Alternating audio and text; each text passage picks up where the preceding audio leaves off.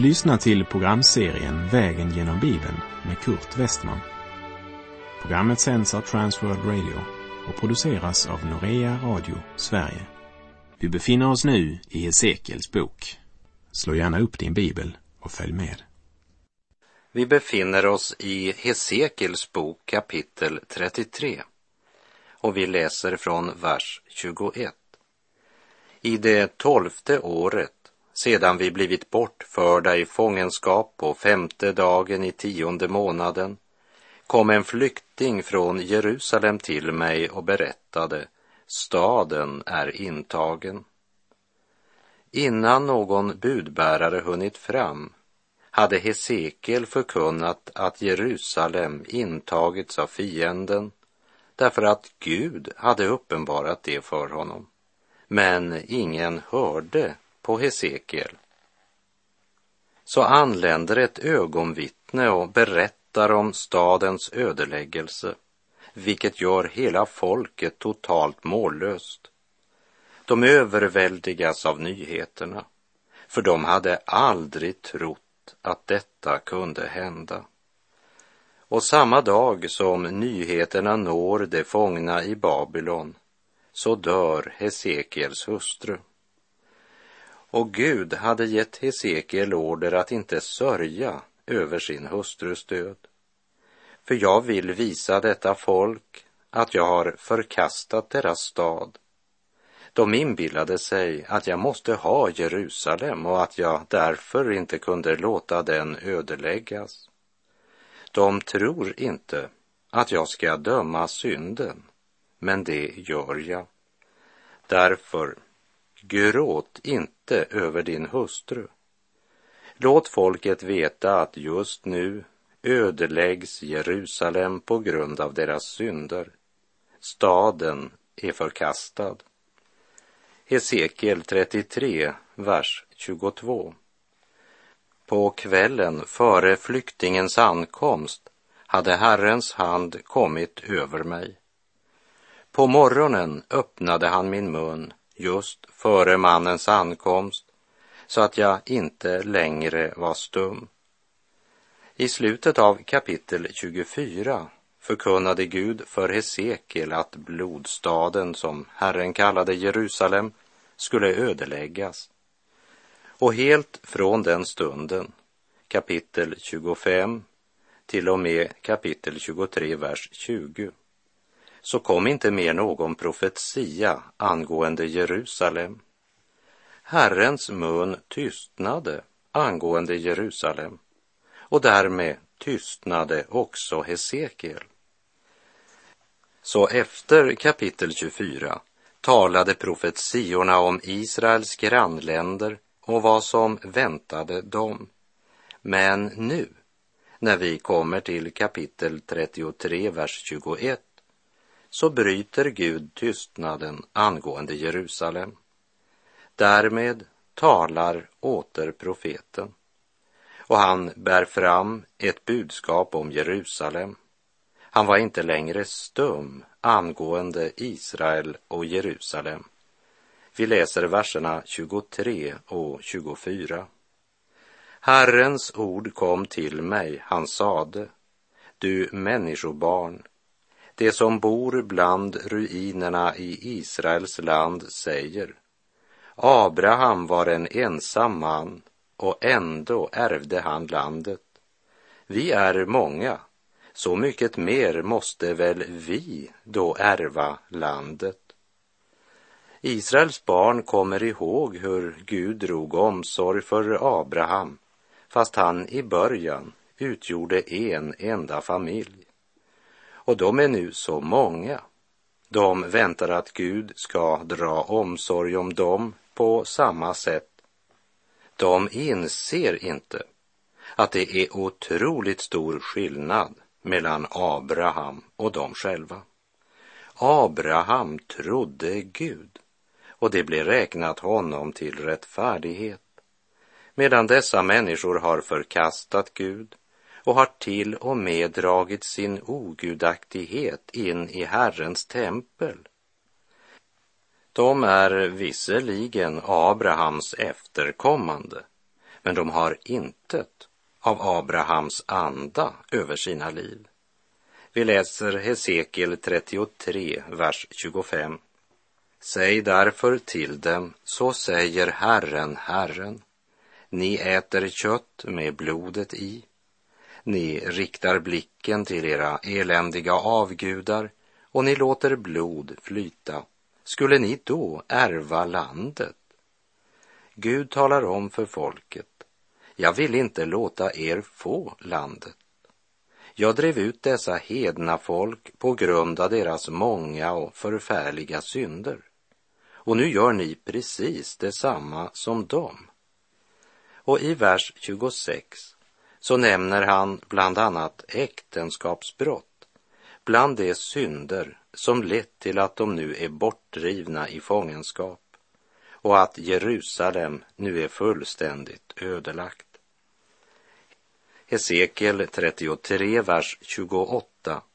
Jag ska göra landet öde och tomt och dess stolta makt skall upphöra. Israels berg ska läggas öde så att ingen går där fram. Då skall de inse att jag är Herren, när jag gör landet till en ödslig ödemark på grund av alla de avskyvärda ting de har gjort. Jag kan inte bli lika upprymd och förtjust över nationen Israel som en del pastorer jag känner. När de kommer till det landet så kommer de nästan i extas. Men ogudaktigheten är ju inte mindre frånstötande bara för att den sker i ett land där Jesus blev född. Guds löfte är att Abrahams efterkommande ska ärva landet. Och det löftet ska Gud uppfylla, det kan du lita på. Men vad Israel behöver idag, det är att omvända sig till Gud. Det är vattenbrist i landet. Fiender hotar på alla sidor. Så på mer än ett sätt saknar de Guds välsignelse idag. Men att Gud inte glömt varken landet eller folket, det ser vi. Inte minst genom alla angrepp de överlevt från fiender som är mer än tio gånger så många. Jag kan inte heller förstå troende som inte har något intresse av det land om vilket Herren har sagt jag ska välsigna dem som välsignar dig och den som förbannar dig ska jag förbanna och i dig skall alla släkter på jorden bli välsignade. Men jag vill gärna säga, jag tror inte på Israel. Jag tror på Gud. Och därför vet jag att Israel som nation har en framtid. För genom Israel önskar Gud att välsigna alla nationer på vår jord. Och det har han gjort i Kristus. Men genom att än en gång upprätta Israel ska Abrahams efterkommande bli ett vittnesbörd genom vilket alla nationer ska inse att Herren är Gud. Därför ska Gud uppfylla sitt löfte min vän, be om välsignelse och fred över Jerusalem.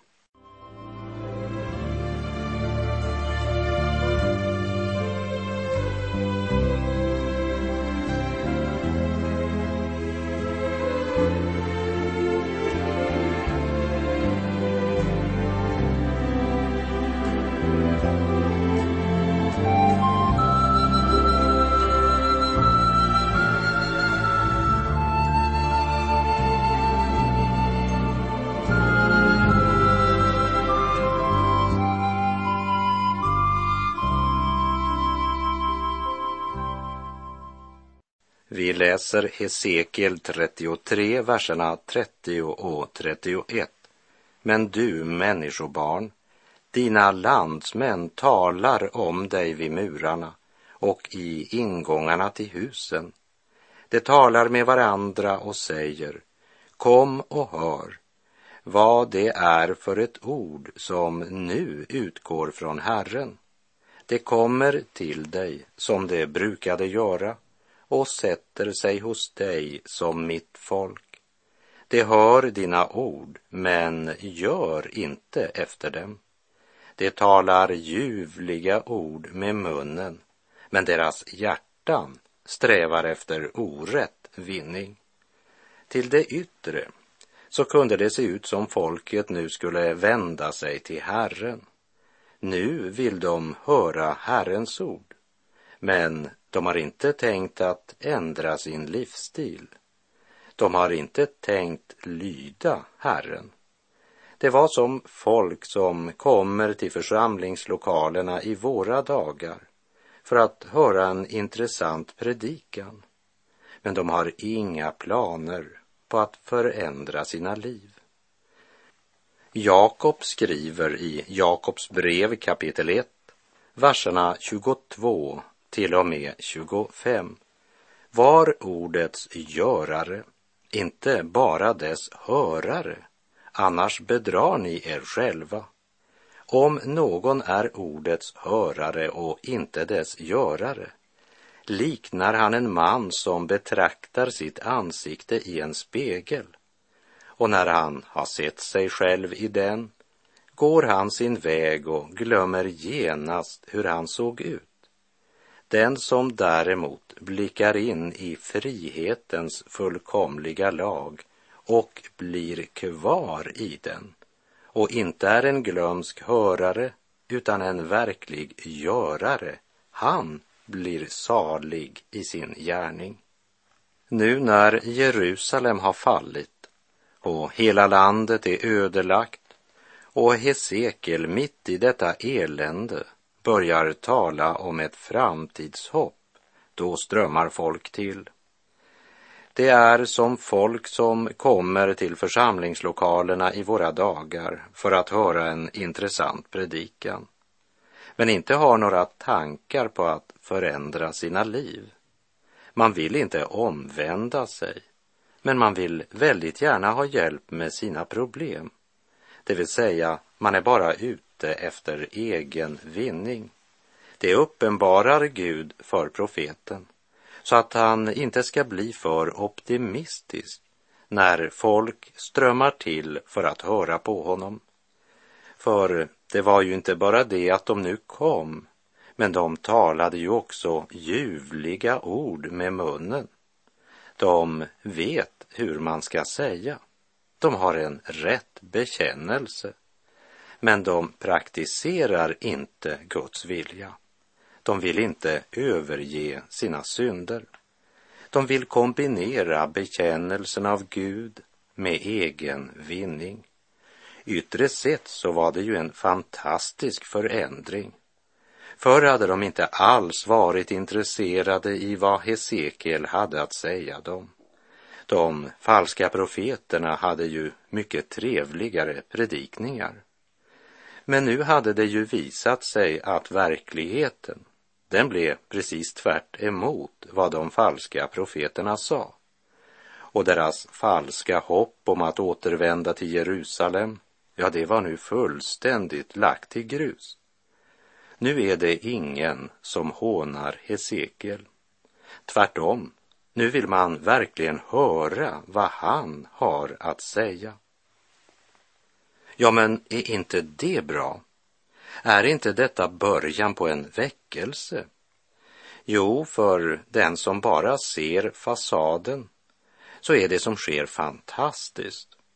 Men Herren känner varje människas hjärta och han vet att de är bara ute efter orätt vinning. Vi borde stanna upp ett ögonblick och fråga oss om våra imponerande verksamheter verkligen behagar Gud. Om vår verksamhet skapar efterföljare eller bara eftersägare. Här vill jag repetera något jag sa i förra programmet om detta att få folk att eh, komma fram efter ett möte. Det är inte avgörande. Jag ser inte så mycket på dem som går fram. Jag ser mera på de människor som går ut efter förbönen eller välsignelsen. För på frukten ska trädet kännas, sa Jesus. Här ska vi först och främst ge akt på våra egna liv. För jag tror att Jesus, han vet vad han pratar om när han talar om frukten, det vill säga konsekvens, liv och handlingar. Hör vad Herren säger till sin trogne tjänare Hesekiel, vers 32. Och se, du är för dem lik en som sjunger en kärleksvisa med vacker röst och spelar väl. De hör dina ord, men gör inte efter dem. Jerusalem har fallit. Många människor pratar om att Hesekiel, han hade faktiskt förutsagt detta. Det han hade förkunnat, det hade hänt. Och nu, nu talar han om hopp, om framtid och om att vi ska få återvända till Jerusalem. Och eftersom det är Hesekiel som nu talar om att vi en dag ska få återvända, då sker det säkert. Nu pratas det verkligen bland judarna i fångenskap och man talar om Hesekiel. Han har blivit ett intressant samtalsämne. Den ene har mer att säga än den andre. Hesekiel, det är dagens namn. Det hopp som de falska profeterna hade serverat var ju inte så aktuellt längre eftersom Jerusalem var ödelagt. Templet en enda ruinhög och de flesta av dem som blivit kvar i Jerusalem hade mist livet. Så det hopp som de falska profeterna hade serverat, det var så totalt lagt i grus att det var inte ens lönt att tänka på. Nu måste vi ha något nytt. Och Hesekiel är nog den som kan ge oss det. Jag menar, det han hittills har sagt det har ju visat sig vara sant in i minsta detalj. Och nu talar han visst om återvändande till Jerusalem. Det låter ju helt otroligt som situationen nu är. Det är ju rena sensationen. Och sensationella budskap, det ville man gärna höra. Nu talar Hesekiel om hopp och återvändande. Det är just den sortens kärlek vi vill ha. Nu säger de inte att han talar i gåtor. Nu säger de inte att man inte kan begripa vad han pratar om. För nu pratar han ju om att vi ska få återvända till Jerusalem. Alla talar om Hesekiel. Han har ju så vacker röst. Sjunger bra, gör han visst också. Och så kan han spela. Han är för dem lik den som sjunger en kärleksvisa med vacker röst och spelar väl. Nu är det många som vill höra Hesekiel. Men problemet är att folket vill inte överge sin synd. Det var problemet med de människor som Hesekiel förkunnade för. De var villiga att lyssna men de ville själva avgöra vad de skulle göra. De ville inte omvända sig till Gud. De ville bara ha hjälp i en situation som blivit alltför besvärlig. De hör hans ord, men gör inte efter dem. Tänk om de hade sagt Döm mitt hjärta här i tiden innan världen döms av dig och när tiden är förliden i ditt domslut fria mig. Men sina synder ville man varken höra om eller tala om. Man ville inte omvända sig till Gud. Hur är det med dig och mig? Är det Gud vi söker? Eller är det bara hans hjälp, hans gåvor och välsignelser? Eller är det våra synder som är vårt stora problem? Vill vi böja oss för Guds ord och inrätta våra liv därefter? Eller är vi bara ute efter orätt vinning?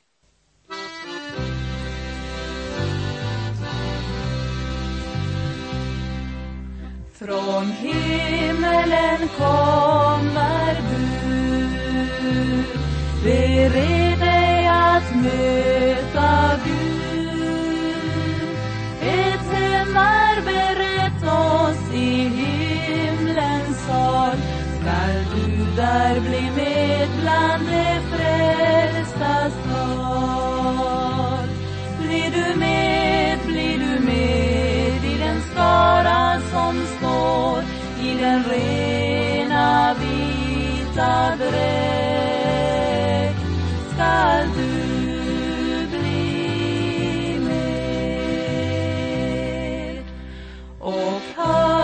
hör, där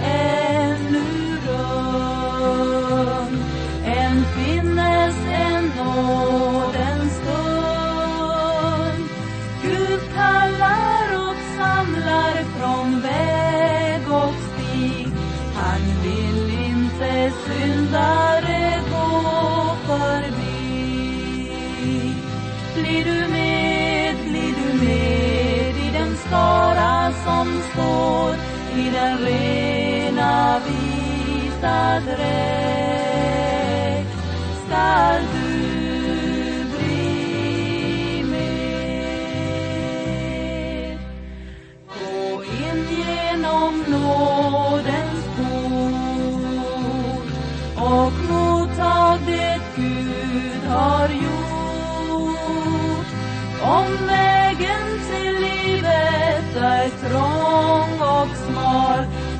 Det är dock långt bättre än helvetets kval. Blir du med, blir du med i den skara som står i den rena vita dräkt skall du bli med. Från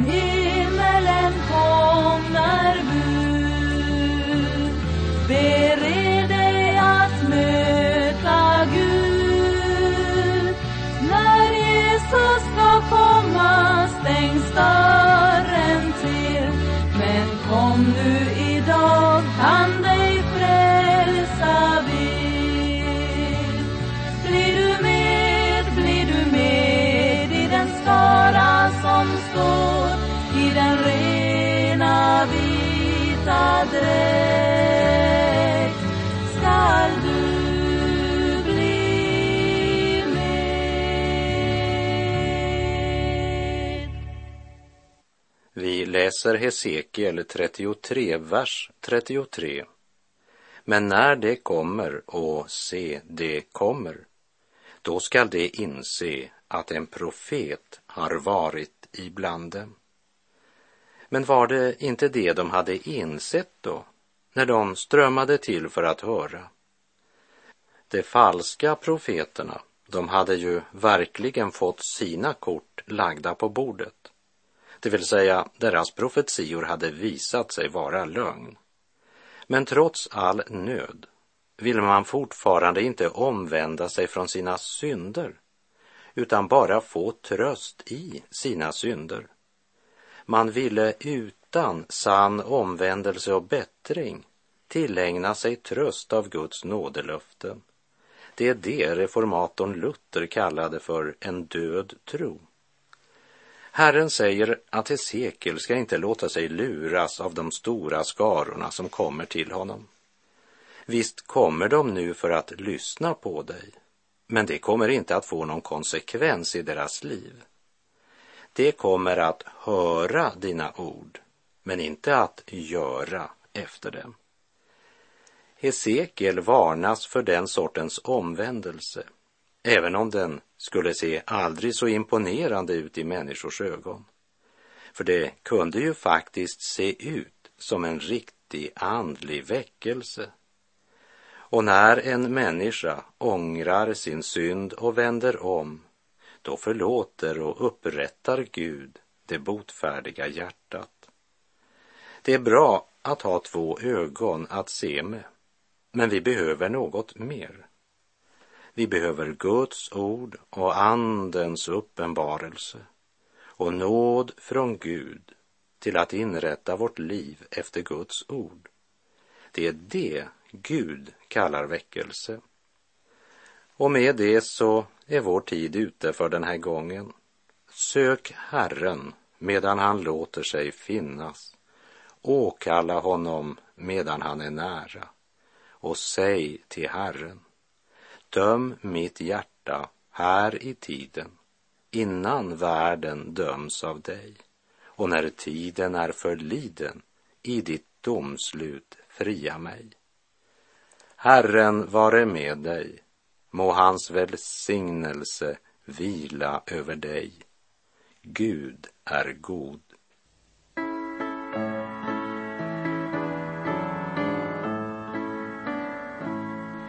Ifrån Golgata flödar en källa, en välsignelsens blod från Guds land.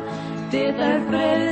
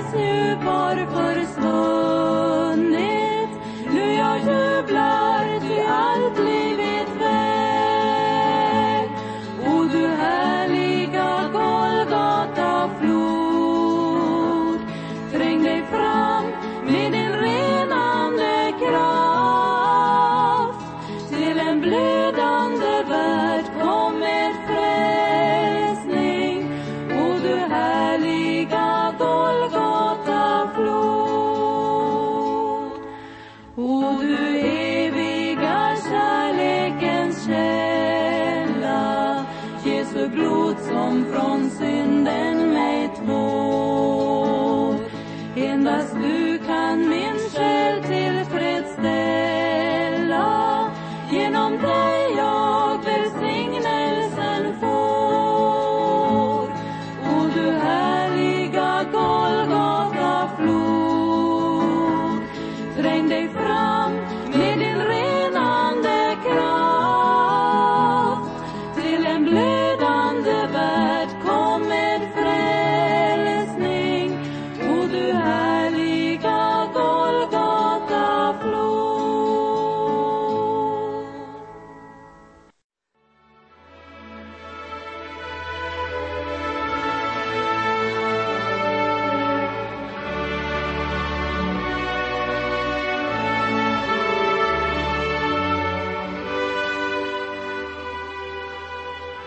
Du har lyssnat till programserien Vägen genom Bibeln med Kurt Westman som sänds av Transworld Radio. Programserien är producerad av Norea Radio Sverige. Om du önskar mer information om vårt radiomissionsarbete så skriv till Norea Radio Sverige, box 3419 103 68 Stockholm. Adressen är alltså Norea Radio Sverige, box 3419. Postnumret 10368 Stockholm.